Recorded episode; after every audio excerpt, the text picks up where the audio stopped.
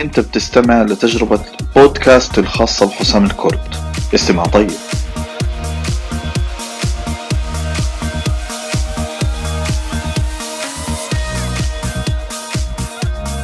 السلام عليكم ورحمة الله وبركاته. أهلا وسهلا فيكم مرة ثانية. لما بقابل كتير مبرمجين في التوظيف أو في التدريب من الأسئلة اللي بسألها إنه كيف تعلمت لغة البرمجة هذه؟ وش عندك عينات سابقة أو أعمال؟ وجزء كبير بجاوب إنه أنا تعلمت البرمجة في الجامعة والأعمال هي عبارة عن المشاريع تاعت الجامعة أو الهوم وركس اللي كنت أخذها. وأنا هنا هذا البودكاست بوجهه للأشخاص اللي بدخلوا جامعة أو حتى ما قبل الجامعة. بخبرهم ما تتعلم البرمجة في الجامعة. أنا حسام الكرد وهذه خبرة عمل بودكاست جديد. يلا معنا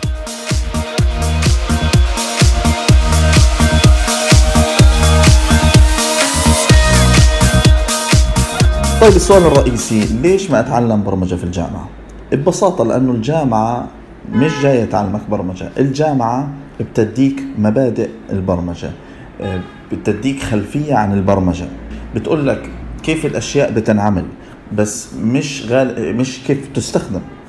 فأنت لما بتكون في السوق الحقيقي وبتبرمج في السوق الحقيقي شيء مختلف تماما عن الهوم ووركس اللي والمشاريع اللي أنت بتاخذها في الجامعة. طيب بيجينا حدا بيقول لي طب كيف أتعلم البرمجة وأنا في الجامعة؟ أو كيف أتعلم ما قبل الجامعة؟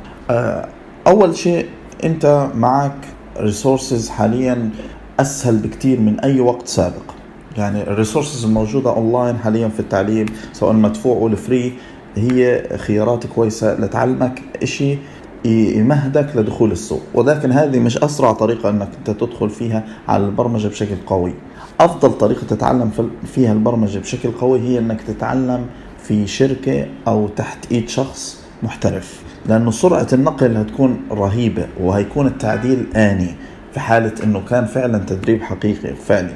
علشان هيك إذا لقيت فرصة إنك أنت تتعلم برمجة على إيد محترف أو أو في شركة ما تضيع أي فرصة مثل هيك. حاول تلتزم فيها قدر الإمكان حاول تفرض حالك في هذا المكان لأنه في هذا المكان أنت بيكون لك فرصة كبيرة تتعلم برمجة بشكل قوي وسريع جدا.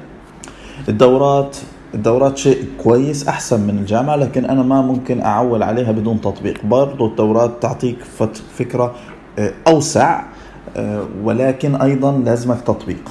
وبالتالي صار عندنا إنه تتعلم البرمجة. أنا بدرس جامعة ممكن أروح أتعلم برمجة أتدرب. ممكن أقرأ على الإنترنت. ممكن أروح أتعلم عند إيد فريلانسر محترف وهكذا. وبالتالي بصقل مهارتي في بالطرق هذه. في اقتراح أيضا تاني ممكن أنت تدخله في حالة انه أنت تعثرت معك الدنيا وما لقيت غير الحل الأونلاين إنك أنت تشارك في مشاريع مفتوحة المصدر ال GitHub بتلاقي كتير مشاريع فيه بيطلبوا contribution إحنا بدنا مساهمة من أي شخص. والمساهمة هذه مش شرط تكون شيء كبير مرات بتكون يعني إنه إحنا بدنا نعرب مثلا النسخة أو إنه إحنا نكتب شوية documentation لل software تبعنا اللي إحنا عاملينه open source وبالتالي لما تعمل contribution على ال GitHub أنت فعليا بت بتشوف كيف الناس بتكتب الكود بتشوف كيف الناس بتتفاعل في الكود بالذات لو كان مشروع حيوي. فأنت في خلال فترتك الجامعية ببساطة بتقدر تدخل على ال resources هذه تستفيد منها. حتى ما قبل الجامعة أنت فيك تستفيد من هذا الأشي. كل ما قدرت كل ما كان أفضل لأنه مجرد وجودك في السوق بدري بيعطيك فعليا خلينا نحكي قيمة عالية جدا. وبصير عندك إمكانيات كبيرة وتتعلم لغات أكبر وأكبر وأكبر وتدخل في مشاريع كبيرة.